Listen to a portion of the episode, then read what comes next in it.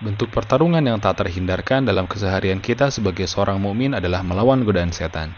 Sebuah hal eksternal yang terbukti menggelincirkan kita pada perbuatan buruk dan menjauhkan kita dari ridho Allah. Dengan kesadaran bahwa setan merupakan musuh abadi manusia, maka kita tak bisa menghadapinya dengan tangan kosong. Kita layak mempersenjatai diri dengan pemahaman dan perbuatan yang bisa membuat kita mengalahkan godaannya. Dengan cara apa saja setan masuk ke dalam jiwa kita, apa saja amal yang bisa membantu kita agar dapat terhindar dari godaan yang berakhir menyengsarakan? Vitamin Series 59 mengalahkan godaan setan bersama Ustadz Agus Al-Muhajir.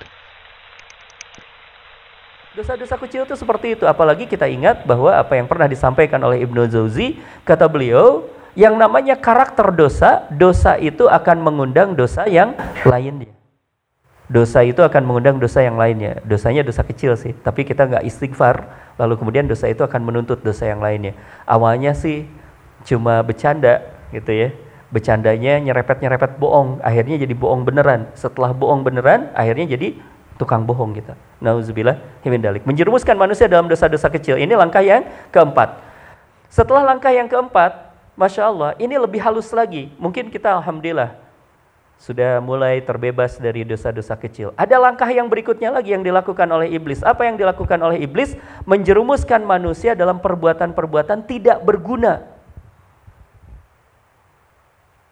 Padahal kita tahu bahwa satu aset kita yang sangat luar biasa itu adalah waktu.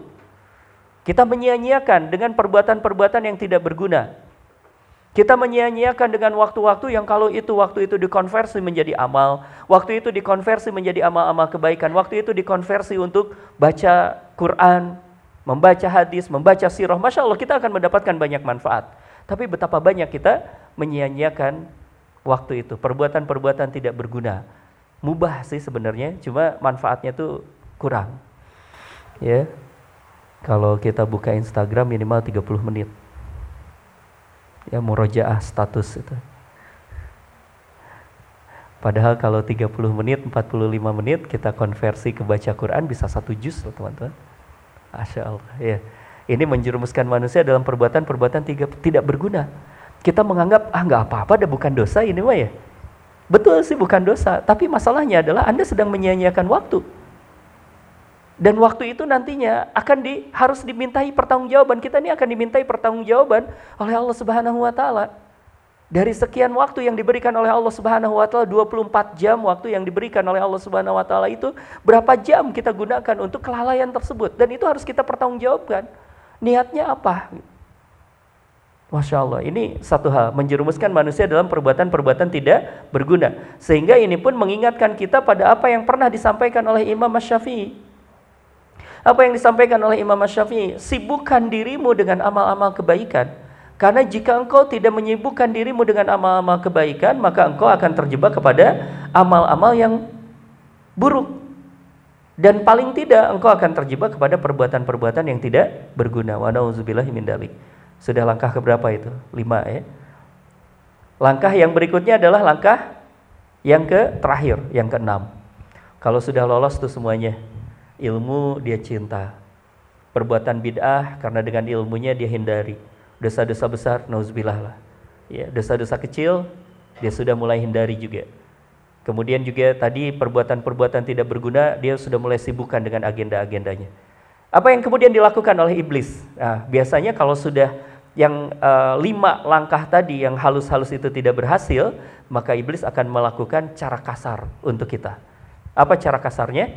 Mengerahkan pasukannya dari kalangan manusia untuk menyakiti kita, menghinakan kita, mendustakan kita, menuduhnya dengan fitnah yang besar sehingga hatinya susah.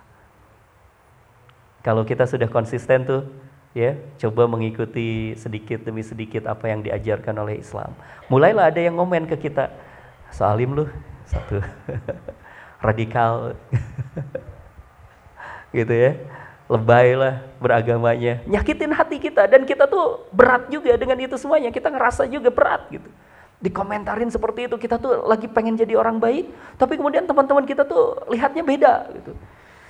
Ini salah satunya berarti eh, tapi jangan sampai menuduh ya berarti teman kita nih bagian dari tentaranya setan. Karena memang di situ disampaikan juga mengerahkan pasukannya dari kalangan manusia. Sudah, kalau yang itu kan tadi yang gaib-gaib semua tuh yang dikerahkan, ini nggak bisa juga ya. Udah main kasar dengan cara dikirimkannya golongan manusia untuk menyakiti kita, menyakiti hati kita, menghinakan kita, melebeli kita dengan label-label yang bikin kita susah. Masya Allah. Ini adalah uh, hal yang juga dilakukan oleh iblis lanatullah. Makanya kalau misalnya kita memahami tentang langkah ini, kalau ada yang ngomen negatif terhadap kita, apa yang harus kita lakukan? Tahu dan kita sadar bahwa ini adalah bagian dari strateginya setan.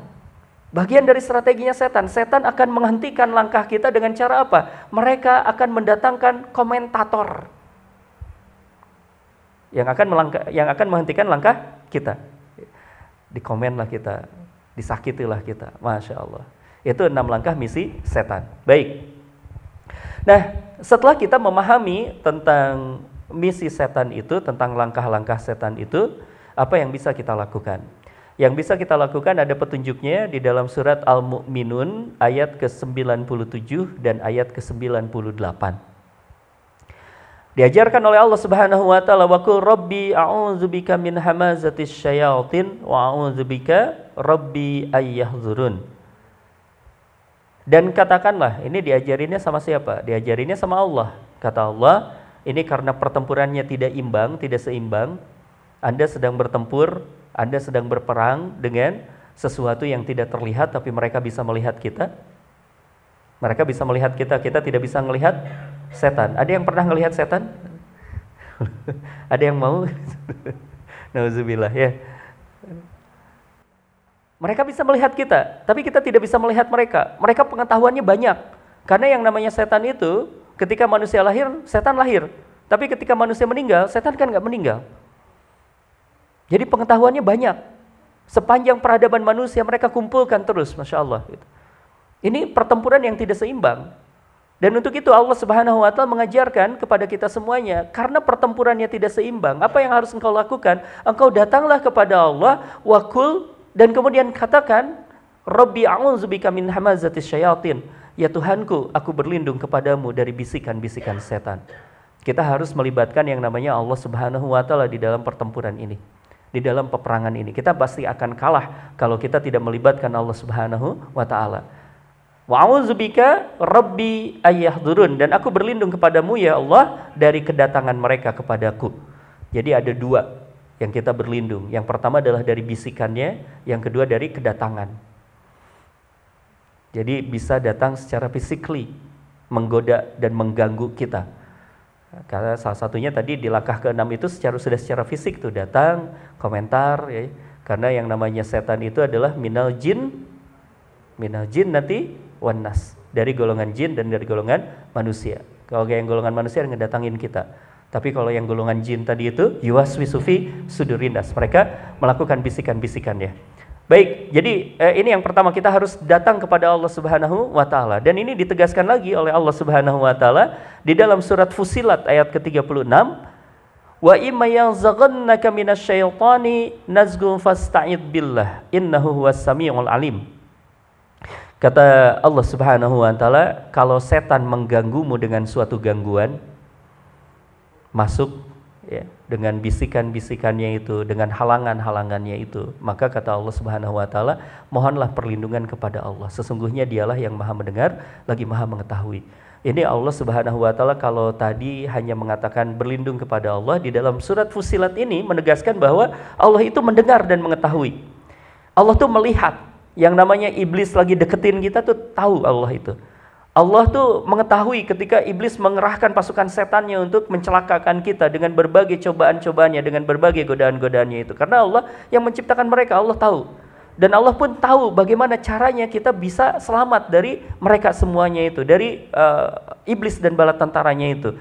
Maka kita harus menyadari terlebih dahulu kita ini ditemani oleh Allah Subhanahu wa taala wa huwa ma'akum aina kuntum. Kesadaran ini saja sebenarnya sudah bisa menyelamatkan kita, teman-teman. Kesadaran bahwa kita bersama dengan Allah Subhanahu wa taala, kesadaran bahwa kita tidak sendirian melawan uh, pertempuran ini. Kita tidak sendirian ketika kita menjalani kehidupan kita. Ya. Sehingga kalau kita misalnya terjebak, salah satu bisikannya setan itu kan menjadikan indah tuh perbuatan perbuatan dosa. Perbuatan-perbuatan dosa dibikin indah. Ya. Coba aja lihat orang-orang yang pacaran kan biasanya indah-indah banget gitu ya. Kalau udah nikah baru kelihatan masalah banyak gitu. itu yang bikin indahnya siapa tuh? Setan itu pasti. Masya Allah. Ah, dibuat indah seperti itu, maka apa yang bisa kita lakukan adalah kita minta tolong kepada Allah Subhanahu wa taala. Ya minta tolong kepada Allah Subhanahu wa taala. Baik. Nah, ini ada satu hal lagi yang sangat kuat kata Allah Subhanahu wa taala satu pesan sebelum kita sholat Isya. Di surat An-Nahl ayat ke-99 ini rumusnya. Rumus yang sangat luar biasa yang membuat kita optimis bisa mengalahkan setan. Karena ini ada satu prinsip nanti. Kenapa setan itu bisa menguasai kita? Kenapa kemudian iblis itu bisa mengalahkan kita? Karena kita menganggap iblis dan setan itu kuat. Padahal kalau kita nganggap dia, ah ini mah lemah lah, gampang kita ngalahinnya.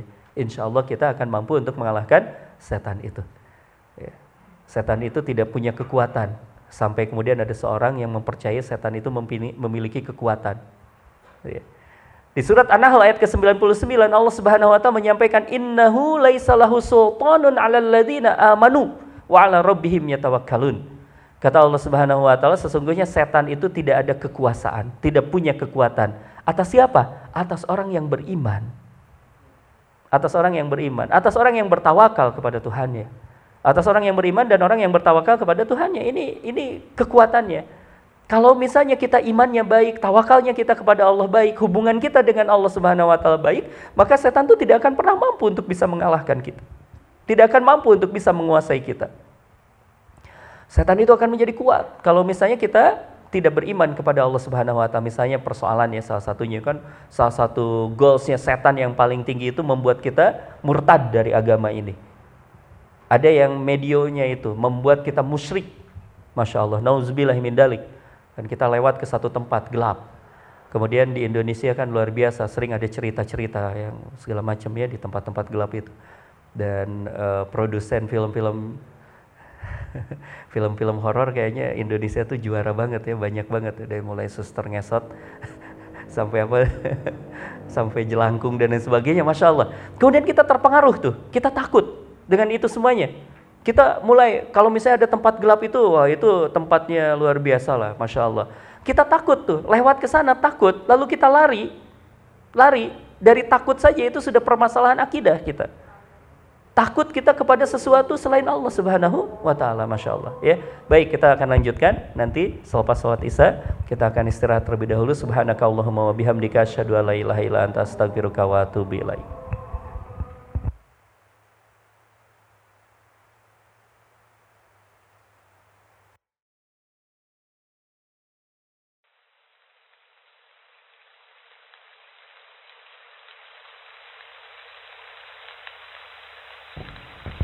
Bismillahirrahmanirrahim. Alhamdulillah, alhamdulillahillazi arsala rasulahu bil huda wa dinil haq.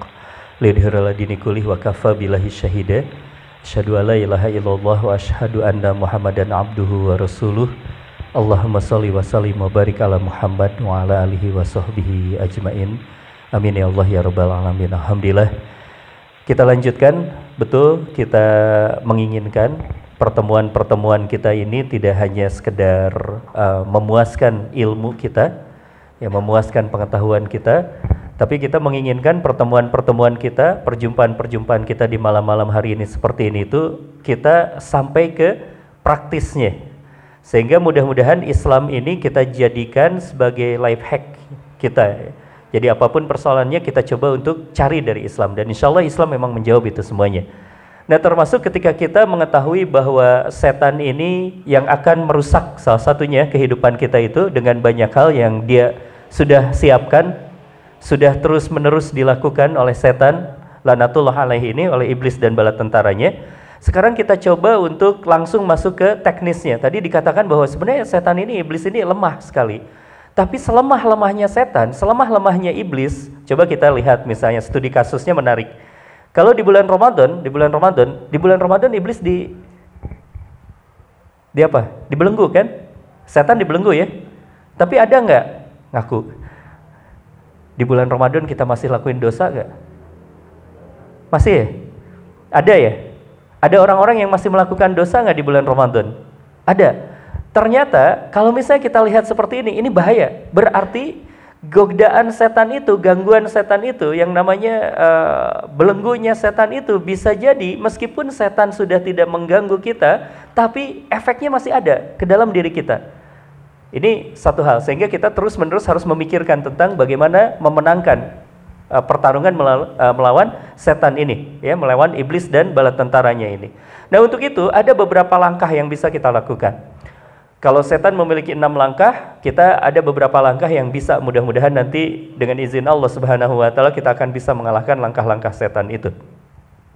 Yang pertama adalah kita bisa menang perang melawan setan itu dengan cara apa? berlindung dari godaan setan dan gempuran setan itu dengan Al-Quran. Satu, yaitu dengan Al-Quran. Kita banyak-banyak berinteraksi bersama dengan Al-Quran. Seberapa banyak kita interaksi dengan Al-Quran, maka semakin kuat kita dengan yang namanya serangan setan itu. Kita akan semakin kuat. Kita tidak akan pernah tergoyah Nampaknya Rasulullah Wasallam tahu bahwa Islam akan masuk ke Indonesia. Dan di Indonesia ini kita nih termasuk orang-orang yang pengennya instan gitu. Ya. Aduh Al-Quran mah banyak atau kumaha gitu ya. Ada nggak cara-cara yang gampangnya untuk bisa mengalahkan setan tetap dengan membaca Al-Quran? Ada nggak yang langsung gitu, ke inti persoalannya? Ada. Di antaranya ada sebuah hadis yang direwetkan oleh Imam An-Nasai nomor 5453, Imam Ad-Darimi nomor 3440. Di dalam hadis itu disampaikan bahwa tidak ada orang yang meminta perlindungan dari godaan setan, dari kekuasaan setan itu, menyamai perlindungan dengan menggunakan dua surat. Surat apa? Surat Al-Falaq dan surat An-Nas. Ah, kalau ini mah insya Allah ya. Kalau tadi kan berat tuh 30 juz. kalau baca surat Al-Falaq dan surat An-Nas mah bisa lah insya Allah ya. Nah, bagaimana caranya, uh, teknisnya, ini sampai teknis tuh, Rasulullah tuh mengajarkan teknis. Ada dua surat itu baca, insya Allah kita akan bisa mengalahkan setan. Gimana caranya? Teknisnya ada di sebuah hadis yang diriwayatkan oleh Imam Bukhari nomor 5017. Nomor 5017, Imam Bukhari nomor 5017 disampaikan seperti ini. Barang siapa seseorang yang membaca kedua surat itu yang tadi Al-Falaq dan An-Nas disertai dengan surat Al-Ikhlas tiga kali saat sore hari dan tiga kali pada pagi hari maka akan dicukupkan baginya segala sesuatu termasuk perlindungan dari godaan setan pagi dan petang. Ingat apa kalau kita bicara tentang baca sesuatu ada jumlahnya pagi dan petang itu? Zikir pagi dan petang. Berarti itu salah satu caranya untuk kita bisa mengalahkan setan itu.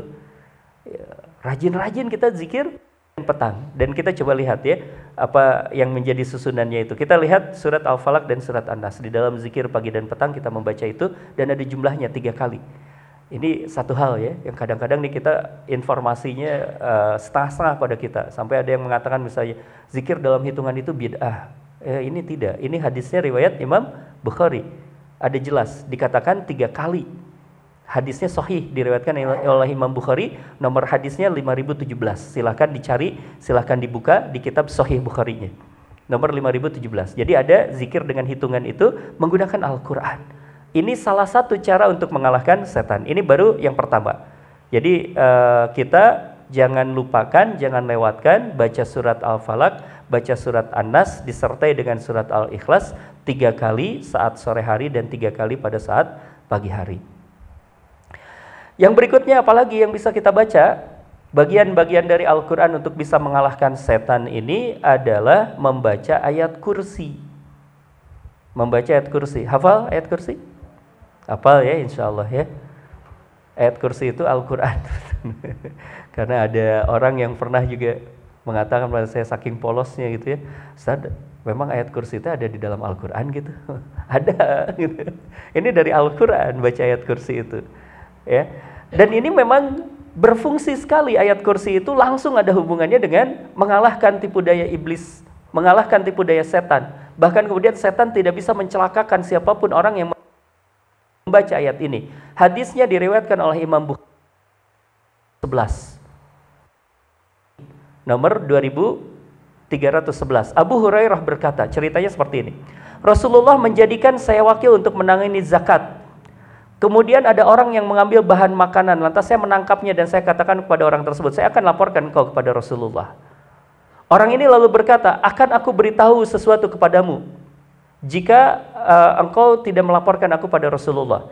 Akhirnya uh, Abu Hurairah berkata, uh, apa yang akan kau sampaikan? Disampaikan ternyata jika engkau sampai ke tempat tidurmu, berarti mau tidur. Jika engkau mau tidur, maka bacalah ayat kursi. Karena dengan cara seperti itu Allah akan senantiasa menjagamu dan setan tidak akan pernah bisa mendekatimu sampai pagi hari. Sampai detail seperti itu. Selepas itu Abu Hurairah melaporkan kepada Nabi dan Nabi bersabda, ia berkata jujur kepadamu meskipun ia pendusta. Ketahuilah tadi orang yang kau tangkap, yang kemudian kau uh, membicarakan hal itu, itu adalah setan. Jadi setan bisa menembus dimensi manusia, bisa. Kalau kita lihat di hadis ini, gitu ya. Tapi bukan urusan kita itu, ya, bukan urusan kita. Bukan urusan kita. Maksudnya kita nyari-nyari ada nggak setan yang itu eh, jadi pemburu setan gitu ya, kita ya pengen pengen ketemu sama setan. Udahlah, nggak usah. Itu mah urusan urusan yang gaib, ya kalau teman-teman tiba-tiba melihat merasa melihat sesuatu bukan manusia, apa yang bisa dilakukan oleh teman-teman? Yang pertama, yang pertama adalah lihatin terus. Bisa jadi salah lihat, satu. yang kedua, samperin. Samperin bisa jadi karena memang itu refleksi dari apa, pantulan-pantulan dari apa. Samperin, pastikan dulu. Kalau memang benar ada, pukul pukul. Kalau teriak berarti orang. Kalau nembus baru kita percaya. Masya Allah. Kabur baru gitu. Kalau nembus, eh nembus kabur kita baru itu. Masya Allah. Allah Akbar. Nah ini, uh, ini bukan urusan kita. Kita jangan terlalu berharap bertemu dengan itu dan gak usah kita eh, nyari-nyari uh, masalah gitu, nyari-nyari setan. Udah, nggak usah. Tapi ini ada satu hal yang hadisnya ini menceritakan bahwa memang setan itu jin yang setan dari jin itu bisa menembus alam manusia dan bisa dikalahkan dengan cara apa? Baca surat ayat kursi tadi itu, ayat kursi. Takut mereka, tidak akan bisa mampu untuk melawan kita. Ada tambahan sih. Saya ingat waktu pas masa-masa uh, belajar, gitu ya, ada ustadz kami, guru kami itu cerita. Pokoknya jangan takut sama setan itu karena kan kami tempatnya dulu uh, di kampung, teman-teman, di kampung. Jadi kalau mau ngaji itu, mau belajar itu lewat ke uh, kuburan, ada kuburan, ada pohon bambu gitu kan. Biasalah anak-anak takut. Diajarkan sama ustadz kami itu, kalau misalnya ketemu dengan yang kayak gitu, baca doa yang sudah dihafalkan lah, baca yang doa yang sudah diajarkan oleh ustadz kata dia. Pokoknya apa pun lah, baca aja. Satu saat kejadian, pak gitu ya, kejadian. Kata satu kejadian tuh ada santri yang ketemu sama hal yang seperti itu. Tapi jinnya tuh kabur, setannya tuh kabur. Kenapa? Karena santrinya ingat pesan ustadznya, baca doa yang paling bisa. Santrinya doa, Allahumma barik lana fi Setannya kabur, aduh mau ditambul ke budak letik. kabur. Masya Allah gitu ya. Jadi uh, setan memang bisa menembus dunia kita, tapi itu bukan urusan kita. Dan kita sudah cukup membekali diri kita dengan ayat kursi ini. Insya Allah setan tidak akan mampu untuk mendekati kita. Baik, yang berikutnya adalah membaca surah Al-Baqarah. Membaca surah Al-Baqarah ini uh, secara spesifiknya. Baca surah Al-Baqarah berarti berapa jam? Masya Allah ya, panjang. Ada satu hal hampir tiga jam setengah. Di dalam hadis riwayat Muslim, hadisnya riwayat Muslim, nomornya nomor 780. Sahih. Langsung dikonfirm silahkan, baca Sahih Muslim. Kalau ini ada hubungannya dengan ruangan, ada hubungannya dengan rumah. Yang Rasulullah Shallallahu Alaihi Wasallam bersabda, jangan jadikan rumah kalian sebagai kuburan dan sesungguhnya rumah yang di dalamnya dibacakan surah Al-Baqarah tidak akan dimasuki oleh setan.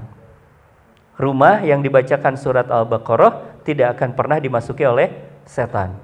Aduh gimana tuh tiga jam setengah Ada hadis yang lainnya, alhamdulillah.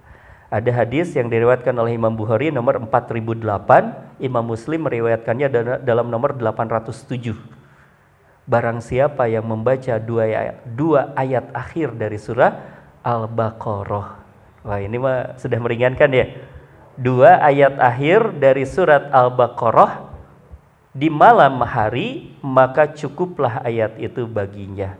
Dua ayat akhir di surah Al-Baqarah. Hadisnya sahih, riwayat Imam Bukhari nomor 4008, Imam Muslim nomor 807. Baca dua ayat akhir dari surah Al-Baqarah. Ini insya Allah uh, setan tidak akan bisa mengganggu kita. Berikutnya lagi. Apalagi yang bisa kita baca bagian-bagian dari Al-Quran yang akan bisa mengalahkan uh, godaan-godaan setan ini ya, agar kemudian setan tidak mampu untuk menggoda kita dan menguasai kita yang berikutnya kita mengambil hadis yang diriwayatkan oleh Imam At-Tirmizi dan Imam Ad-Darami. Barang siapa membaca surat Ghafir, surat Ghafir atau surat Al-Mu'min kita di mushaf kita juga disebut seperti itu. Barang siapa membaca surat Ghafir sampai pada firman Allah yang berbunyi ilaihil masir, berarti sampai ayat 3 aja dan ayat kursi pada pagi hari, maka dengan kedua bacaan itu Allah menjaganya sampai sore hari. Dan barang siapa membacanya di sore hari, maka ia akan dijaga Allah sampai pagi hari. Nah, ini sudah teknis-teknis semuanya. Membaca surah Al-Mu'min atau Ghafir dan ayat kursi digabungkan. Kalau misalnya kita melihat dari hal-hal seperti itu, hadis-hadis seperti itu, kita pun menemukan sekarang ya, kalau teman-teman perhatikan susunan di dalam surat eh, di dalam zikir al-masurat pagi dan petang semuanya sudah tercantum.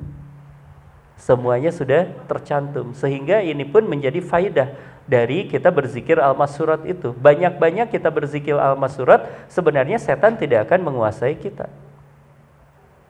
Luangkan waktu. Memang kalau al-masurat itu yang sugro saja lumayan kan ya.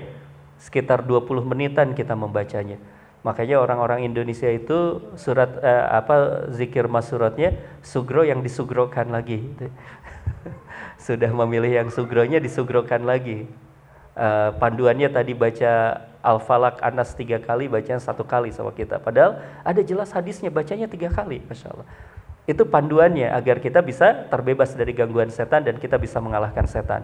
Yang berikutnya lagi adalah baca selain tadi kalau tadi dari ayat-ayat Al-Qur'an, ada bacaan yang lainnya lagi yang bisa dijadikan wirid, yang bisa dijadikan sebuah bacaan itu dari hadis uh, Abu Hurairah hadis Imam Bukhari nomor 1410 hadisnya yaitu membaca apa? La ilaha illallah wahdahu la syarikalah lahul mulku wa lahul hamdu wa huwa ala kulli syai'il qadir.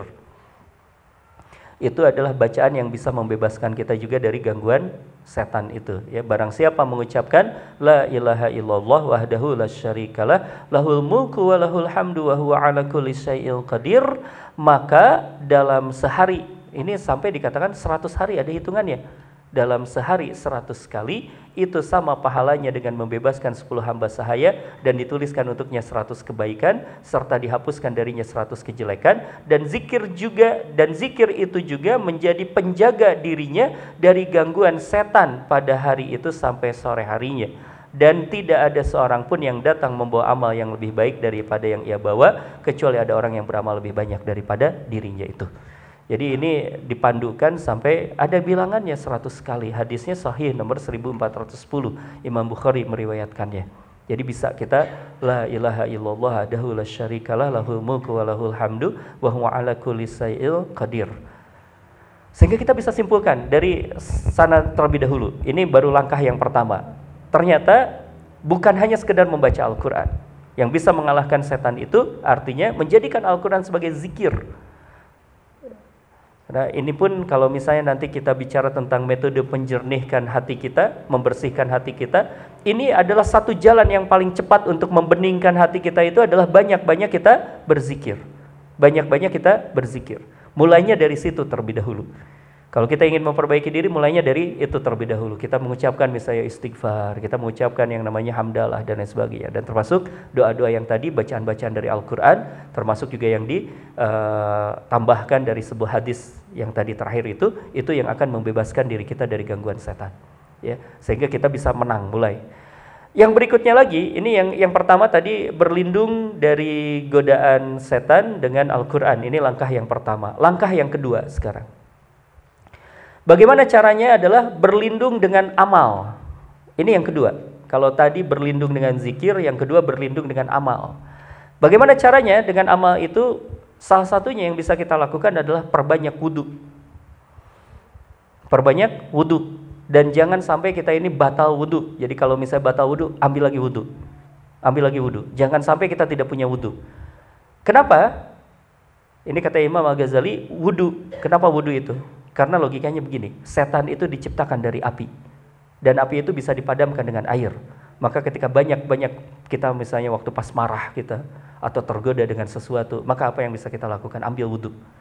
Itu akan bisa memadamkan godaan uh, setan itu ya ambil wudhu kan panduannya seperti itu kalau kita marah kalau kita sedang marah sedang berdiri maka duduk kalau kita sedang duduk maka berbaring kalau kita berbaring kemudian tidak juga hilang marah kita ambil wudhu habis ambil wudhu kemudian sholat kenapa kita tidak melompat langsung kalau kita sedang marah langsung ambil itu yang akan bisa memadamkan gangguan setan itu dengan amal. Ya, di Indonesia tidak lazim kita memelihara wudhu, tapi ini bisa dilakukan. Banyak-banyak kita berwudhu. Uh, memelihara wudhu. Jangan sampai kita tidak punya uh, wudhu, ya. batal sedikit langsung ambil wudhu, bakal ambil wudhu. Sehingga ini akan menjaga kita dari setan. Satu. Yang kedua adalah sholat. Wudhu, sholat. Wasta'inu bis sobri was sholat. Mintalah tolong kepada Allah dengan kesabaran dan dengan sholat. Karena sholat bisa menghilangkan amarah nantinya. Padahal amarah adalah salah satu pintu setan. Ya Pernah melihat ada orang yang sedang sholat marah-marah, teman-teman? Udah sholat ya ambek-ambekan gitu. Ada nggak? Yang lagi sholatnya, yang ada mah habis sholat marah lagi biasanya. Tapi dalam sholatnya insya Allah nggak marah-marah gitu. Ya. Jadi eh, banyak-banyak panjang-panjangin kita uh, ketika kita sholat itu. Ini uh, berlindung dengan amal. Ini yang kedua. Yang ketiga adalah Langkah ketiga, berlindung dengan cara menghindari segala hal yang bisa mencelakakan kita, hal-hal yang berlebihan. Hal-hal yang berlebihan, karena iblis itu masuknya melalui hal-hal yang berlebihan itu. Kita coba berlindung dengan menghindari hal yang berlebihan. Apa yang berlebihan itu? Yang pertama adalah melihat. Dalam melihat, artinya kendalikan yang namanya pandangan kita. Abu Umamah berkata, saya mendengar Rasulullah Shallallahu Alaihi Wasallam bersabda, wa idza wa'ada fala uh, yakhun wa idza tumina fala idza hadis uh, hadis hadukum fala yakdib berilah jaminan kepadaku enam perkara kata Rasulullah sallallahu alaihi wasallam. Aku jamin bagi kalian surga. Yang pertama kalau berkata jangan dusta itu ya. Kemudian akfulu akfululi dan yang kedua jika diberikan uh, akful itu amanah ya dibebankan amanah maka kemudian jangan hianat kemudian yang ketiga jika dia berjanji janganlah menyelisihi. Dan yang keempat yaitu tundukkan pandangan kalian. Tundukkan pandangan kalian. Ini yang akan bisa uh, membuat kita menang melawan setan itu. Karena pandangan itu adalah panah-panah setan. Mungkin ada pertanyaan dah susah tuh sekarang mbak ya? Teman-teman yang eh, yang ihwan misalnya itu udah gimana? Tuh ya kiri kanan ada. Video sawin semua bagaimana caranya? Saya hanya mengutip apa yang disampaikan oleh Buya Hamka. Ini beberapa kali dikutip di sini tapi mudah-mudahan ini bisa mengingatkan kita. Kata Buya kan pernah ada orang yang datang kepada Buya Hamka bertanya mengatakan seperti ini Buya saya datang ke Madinah saya datang ke Mekah. Ternyata di Madinah dan Mekah ada prostitusi. Ada prostitusi. Kemudian Buya tersenyum dan berkata, saya pergi ke New York, saya pergi ke Chicago, saya pergi ke Los Angeles, tapi saya tidak menemukan prostitusi. Lalu kemudian kata Buya, karena engkau, karena kita semuanya akan dimudahkan oleh Allah tatkala kita mencari sesuatu tersebut. Kita akan dimudahkan. Jadi nggak ada alasan. Kenapa kemudian kita tadi berkata sulit untuk menjaga pandangan sebenarnya karena kita nyari. Tapi kalau kita berkata kita tidak mau nyari-nyari juga insya Allah kita tidak akan bertemu dengan pidosan tadi itu. Ya. Sama lah seperti misalnya teman-teman pengen ganti mobil gitu ya, pengen ganti kendaraan, ganti dengan merek tertentu. Yang merek tertentu itu di jalanan itu kelihatan terus. Kenapa? Karena kita cari. Ya, karena kita cari pasti akan ketemu yang kita cari itu. Dan makanya eh, jaga pandangan itu insya Allah bisa, bukan hal yang sulit. Kenapa kita sulit? Karena kita masih nyari-nyari sehingga akhirnya ada kelihatan. Satu, yang melihat.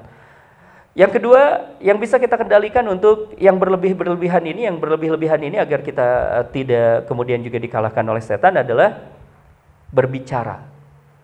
Kendalikan pembicaraan. Ya. Ada diriwayatkan Abu Darda pernah melihat seorang wanita yang banyak bicara. Biasanya wanita tuh penyakitnya itu banyak bicara. Kalau bapak-bapak mah biasanya kalau jam segini udah males bicara ya. Pas ketemu sama istri, istri cerita banyak, bapaknya itu gitu. Ah, hmm, ah. udah habis perbendaharaan katanya. Diriwayatkan Abu Darda pernah melihat seorang wanita yang banyak bicara lantas ia berkata, Kata Abu Darda apa? Andaikan wanita itu bisu, niscaya hal itu lebih baik baginya. Masya Allah, sampai seperti itu. Kenapa? Karena itu akan mencelakakan. Itu banyak bicara tuh orang yang banyak bicara banyak salah. Orang yang banyak salah itu banyak dosa dan orang yang banyak dosa masuk neraka. Kata Umar bin Khattab seperti itu. Jadi benar-benar kita harus mengendalikan hemat. Ya, kalau kita mau ngomong tuh pikir ini bisa menyelamatkan kita atau apa. Nanti kata-kata kita ini kan akan dihisab oleh Allah Subhanahu wa taala, belum lagi melemahkan hati. Apa yang kita ucapkan itu akan berpengaruh pada hati kita. Hati-hati dengan itu. Ibrahim berkata, Ibrahim bin Adam, dua hal yang sering membuat manusia binasa, yang pertama adalah harta yang berlebihan, yang kedua, ucapan yang berlebihan. Harta yang berlebihan bisa mencelakakan kita, ucapan yang berlebihan bisa mencelakakan kita. Sampai Syekh Al-Muhasibi mengatakan, tidaklah seorang masuk neraka kecuali salah satunya adalah paling banyak adalah disebabkan dari panen gara-gara pembicaraan yang berlebihan.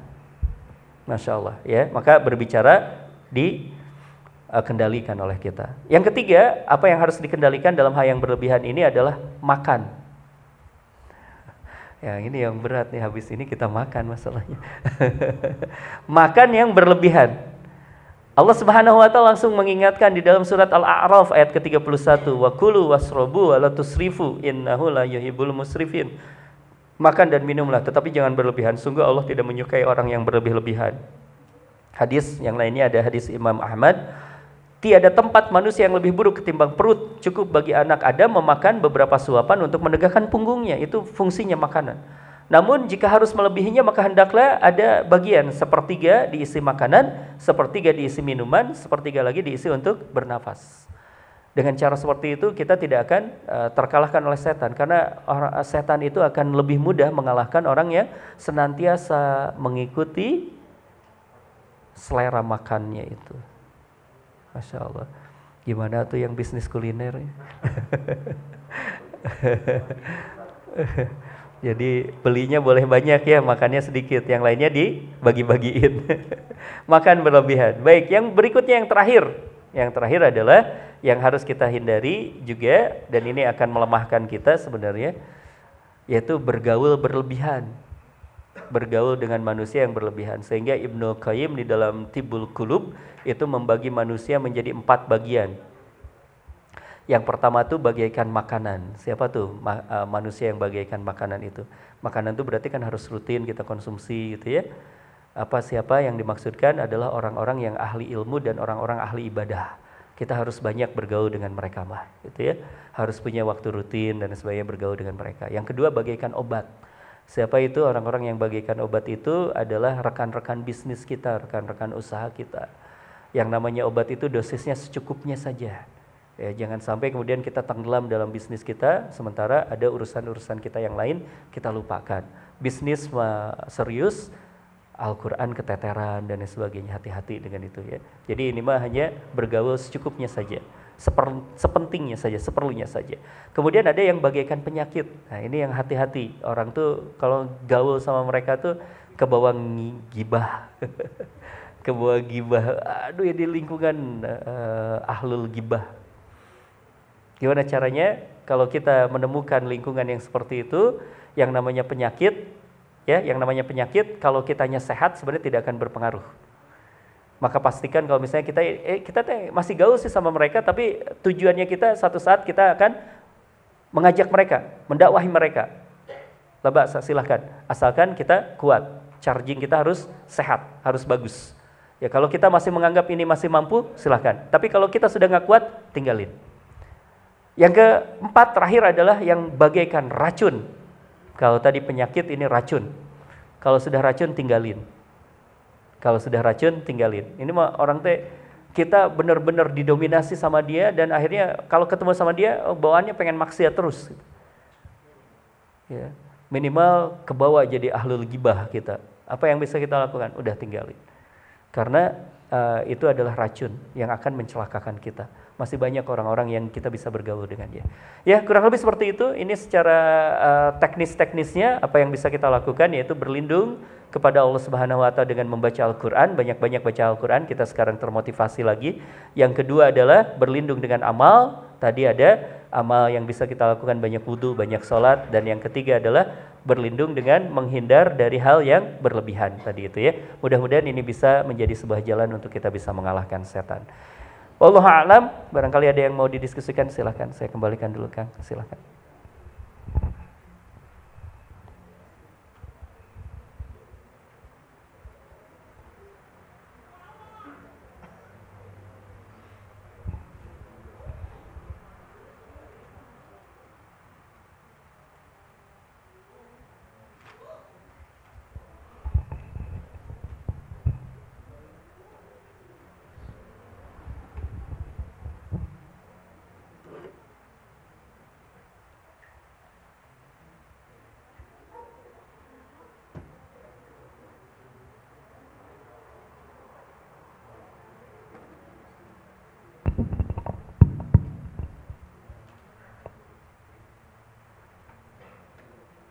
Ya, alhamdulillah. Uh, untuk memperdalam materi, kita buka sesi tanya jawab. Barangkali ada yang belum mengestafetkan pertanyaannya, silahkan diestafetkan ke depan. Uh, ini ada beberapa pertanyaan yang sudah masuk. Coba dipilih beberapa sebentar.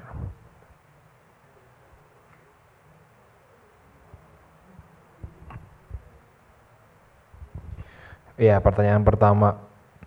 Assalamualaikum warahmatullahi Ustadz. Pembahasan kali ini sangat menarik dan mungkin berkaitan dengan pertemuan sebelumnya yang bertema melawan diri kita sendiri. Lalu apakah kaitannya antara godaan setan dan hawa nafsu kita sendiri? Bagaimana kita keluar dari perbuatan maksiat yang berhubungan dengan syahwat? Kalau ada setan yang selalu menggoda kita. Taib. Baik, uh, kita mengambil pelajaran dari inspirasi kisahnya Nabi Adam alaihi salam. Dari Adam alaihi salam. Di dalam kisah Adam alaihi salam itu ada hal yang menarik bahwa uh, Allah itu sudah sejak awal menetapkan tujuan diciptakannya Adam itu adalah ketika Allah Subhanahu wa taala berfirman, "Wa iz qala rabbuka lil malaikati inni ja'ilun fil ardi khalifah." Jadi Adam itu diciptakan untuk tinggal di bumi. Tapi yang menariknya adalah Adam alaihissalam itu sejak dari awal kemudian ketika selesai diciptakan Adam dan Hawa ini lalu kemudian Allah Subhanahu wa taala memerintahkan kepada Adam apa yang diperintahkan oleh Allah Subhanahu wa taala wa qulna ya adamuskun anta wa jannah. Wahai Adam, masuklah engkau bersama dengan istrimu ke dalam surga. Padahal kan jadi seperti tidak sesuai ya uh, awalnya diciptakan untuk tinggal di bumi, tapi ketika selesai diciptakan, Allah Subhanahu wa taala memerintahkan kepada Adam dan istrinya itu untuk masuk ke dalam surga. Di surga inilah kemudian Allah Subhanahu wa taala mengajarkan sesuatu yang sangat berharga buat Adam. Yang pertama adalah mengenali bahwa ada di dalam dirinya itu satu faktor yang melemahkan kita, satu faktor yang kemudian kita harus waspadai yang namanya hawa nafsu tadi yang kedua ada musuh eksternalnya yang namanya iblis itu. Jadi dua-duanya diperkenalkan langsung oleh Allah Subhanahu wa taala di dalam surga itu. Nah, bagaimana caranya agar kita bisa selamat? Ini pun sudah sampaikan oleh Allah Subhanahu wa taala, disampaikan oleh Allah Subhanahu wa taala ketika Allah Subhanahu wa taala akhirnya menurunkan Adam, menurunkan Hawa ke bumi ini.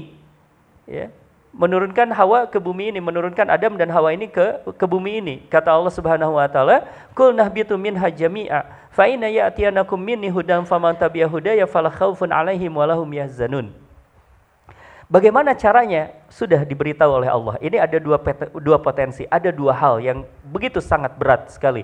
Engkau harus mengalahkan dirimu sendiri, yang kedua engkau harus juga mengalahkan setan. Tapi kata Allah, jangan khawatir dengan ini semuanya. Allah Subhanahu wa taala akan kirimkan satu hal. Allah Subhanahu wa taala akan hadirkan satu hal yang akan membuat kita mampu untuk mengatasi dua hal itu. Apa yang dimaksudkan uh, oleh Allah Subhanahu wa taala yang dibahasakan dalam ayat itu huda petunjuk. Apa itu petunjuk itu? Al-Quran. Bagaimana caranya berarti kalau kita ingin mengalahkan diri kita dan mengalahkan setan itu cari semuanya ada di dalam Al-Qur'an. Al-Qur'an itu isinya apa? Al-Qur'an itu isinya 70%-nya ada kisah, kemudian juga yang lainnya ada hukum. Intinya adalah kita mengenali Allah Subhanahu wa taala di sana. Ada mengenali tentang negeri akhirat. Kita mengenali pelajaran-pelajaran besar dari sana. Kita baca Al-Qur'an.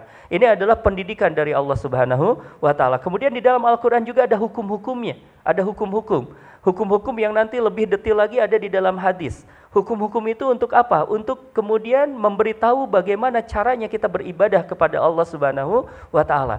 Jadi kalau misalnya kita simpulkan bagaimana caranya agar kita bisa uh, mengalahkan dua hal ini atau selamat dengan dua ujian ini, yang pertama adalah perbaiki akidah kita.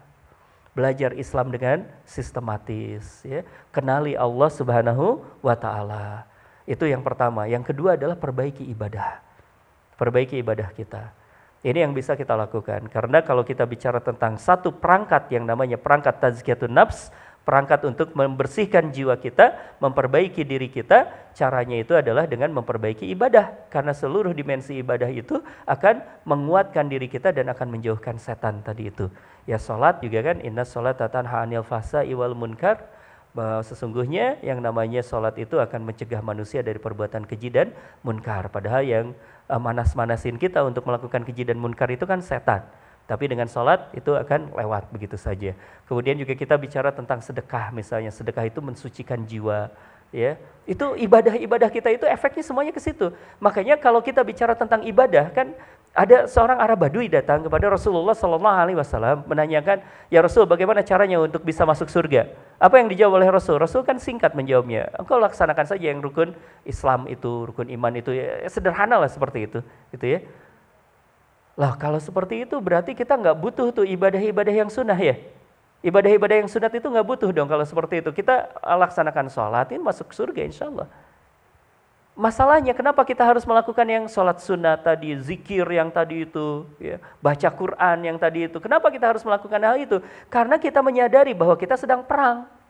Kita menyadari bahwa kita itu sedang melawan diri kita sendiri, sedang menyelamatkan diri kita dari diri kita sendiri, dan sedang menyelamatkan diri kita dari serangan setan itu. Maka ibadah-ibadah nafilah yang tadi itu, tambahan itu, ibadah-ibadah sunat itu akan memperkuat benteng kita, akan memperkuat uh, pertahanan kita sehingga pertanyaannya sederhana, seberapa seberapa kuat kita ingin selamat dari kejahatan diri kita, seberapa kuat kita ingin selamat dari yang namanya godaan setan itu, maka selam, uh, itulah yang kita harus ukur dengan seberapa banyak kita melakukan ibadah-ibadah yang sunat itu. Gitu ya. Jadi kalau misalnya ditanya saya saya ditanya dengan pertanyaan singkat misalnya, saya baca Quran tuh kayak gimana sih harusnya seberapa banyak? Ya tinggal saya balikin Seberapa ingin Anda selamat dari yang namanya godaan setan dan kejahatan dirimu sendiri. Kalau kita kemudian bersungguh-sungguh harusnya banyak baca Qur'annya gitu. Harusnya banyak baca Qur'annya. Seberapa banyak kita istighfar, seberapa banyak kita zikir, ya seberapa banyak sungguh-sungguh engkau untuk selamat, ingin selamat dari godaan setan itu. Ya, seperti itu. Jadi mudahnya seperti itu. Ibadah-ibadah nafilah itu, itu adalah satu hal yang akan menyelamatkan kita dari gangguan uh, setan itu dan dari kesalahan dan kekurangan-kekurangan diri kita. Wallahu a'lam. Satu ya, silakan. Pertanyaan berikutnya, Tad, uh, di Al-Ma'thurat atau zikir pagi petang kita membaca surat An-Nas Al-Falak sejumlah tiga kali. Apabila kita telah membaca surat tersebut, apakah sudah dianggap membaca Al-Quran sehingga kita tidak usah lagi membaca Al-Quran? Iya, untuk membaca yang tiga kali tadi hadisnya teman-teman uh, sudah saya sampaikan hadisnya hadisnya itu di hadis riwayat Bukhari nomor 5017. Orang yang membaca kedua surat itu yaitu Al-Falaq dan An-Nas disertai dengan surat Al-Ikhlas tiga kali saat sore hari dan tiga hari pada eh, tiga kali pada pagi hari maka dicukupkan baginya segala sesuatu dicukupkan termasuk dilindungi dari godaan setan itu ya. Jadi ini bukan berarti kemudian kita menjadi tidak usah baca Quran. Bukan berarti kita menjadi tidak usah baca Quran karena baca Quran hal yang lain. Tapi ini ada faidah karena Allah dan Rasulnya mengetahui kelemahan kita. Ya, mengetahui kita tuh rada kalau misalnya baca Qurannya banyak gitu, waktu kita terbatas dan sebagainya ini ada hal yang bisa dilakukan. Memang ada yang menarik adalah uh, bicaranya tentang surat Al-Ikhlasnya tadi itu. Karena ada hadis yang lain di dalam surat Al-Ikhlas itu hadis berkenaan dengan Al-Ikhlas bahwa uh, membaca surat Al-Ikhlas itu sama dengan membaca sepertiga Al-Qur'an. Sehingga kalau diulang jadi tiga kali berarti hatam gitu. uh, ini akal-akalan namanya. Yang dimaksudkan di dalam hadis itu adalah pahalanya setara dengan menuntaskan sepertiga. Tetap saja kita sebenarnya belum baca Quran gitu. Kita baru membaca surat Al-Ikhlas saja, belum membaca keseluruhan Al-Quran itu. Jadi jangan sampai kemudian pas dikatakan, waduh saya mah hatam tiap hari. Kenapa? Baca surat Al-Ikhlas tiga kali. Bahkan satu hari bisa hatam dua kali karena pagi baca tiga kali, sore baca tiga kali, jadi dua kali hatam. Tidak seperti itu ya, tapi pahalanya memang setara dengan membaca hatam itu. Ini kita sikapi sebagai apa? Ini adalah kasih sayang Allah. Kasih sayang Allah. Allah tuh tahu bahwa kita tuh lemah sehingga Allah memberikan pahala yang setara dengan itu agar kita tetap mendapatkan faidah membaca Al-Qur'an secara full, pahala secara full. Tapi apalagi kalau misalnya kita membaca Al-Qur'an secara penuh juga secara fisiklinya dari juz 1 sampai juz 30. Gitu ya. Kurang lebih. Baik, silahkan. Pertanyaan selanjutnya Berkaitan dengan memelihara rumah agar tidak dimasuki setan, apakah jika ada anggota keluarga di rumah ternyata banyak melakukan kemaksiatan, apakah menjadi indikator tidak terjaganya rumah dari godaan setan? Dan bagaimana sikap kita terhadap anggota keluarga tersebut? Jazakallah khair. Iya, Masya Allah. Ah, ini salah satunya ya. Jadi kalau misalnya ada anggota keluarga kita yang memang masih uh, terlihat melakukan maksiat apalagi terang-terangan Masya Allah. Apalagi di dalam rumah jadinya rumah itu jadi tempat maksiat. Ya banyak-banyak kita istighfar. Saya tidak bisa berani berkata bahwa ini adalah salah satu bagian dari digodanya setan gitu ya diganggunya oleh setan. Tetapi secara individu ya kalau misalnya orang melakukan dosa itu ya eh, karena kelemahan diri dan digoda oleh setan laknatullah alaihi itu. Jadi kalau secara pribadinya iya, secara pribadinya iya. Lantas apa yang bisa kita lakukan berkenaan dengan hal tersebut? Yang bisa kita lakukan adalah kita dakwah. Kita kemudian juga perbaiki, kita berikan nasihat. Wa tawassabil haq wa. Itu kewajiban kita, apalagi anggota keluarga. Anggota keluarga harus jadi prioritas dakwah kita. Kenapa? Karena perintahnya sederhana. Allah Subhanahu wa taala itu memerintahkan kepada kita, "Ku anfusakum wa ahlikum naro." Jagalah dirimu dan keluargamu dari api neraka. Maka prioritasnya adalah uh, kita perbaiki. Jadi kalau kita tadi menemukan kasus seperti itu, coba nasihati, coba dengan banyak cara, ya. Uh, paling tidak ini ada satu hal yang harus bisa dan harus kita lakukan adalah mendoakan saudara kita. Ini banyak yang kita lupakan itu adalah mendoakan. Padahal kalau kita lihat di dalam sejarah, Umar bin Khattab masuk Islamnya salah satunya gara-garanya apa tuh? Didoain sama Nabi didoain sama Nabi. Kita kadang-kadang menemukan saudara kita masih terjebak maksiat, ya kita untuk mendoain aja berat. Padahal kalau kita doain mudah-mudahan Allah kasih dia hidayah. Yang menguasai hati itu adalah Allah. Dan untuk itu ketuk uh, pintu hidayah itu dengan kita berdoa kepada Allah. Kita sebut namanya, misalnya si fulan itu ya Rob, saya ingin dia mendapatkan hidayah dan sebagainya. Kita adukan kepada Allah di tengah malam, di sujud-sujud malam kita. Mudah-mudahan Allah memberikan hidayah kepadanya. Wallahu a'lam. Itu ya. Habis, baik. Alhamdulillah teman-teman, terima kasih banyak. Mudah-mudahan ini bisa menjadi bekal untuk kita semuanya.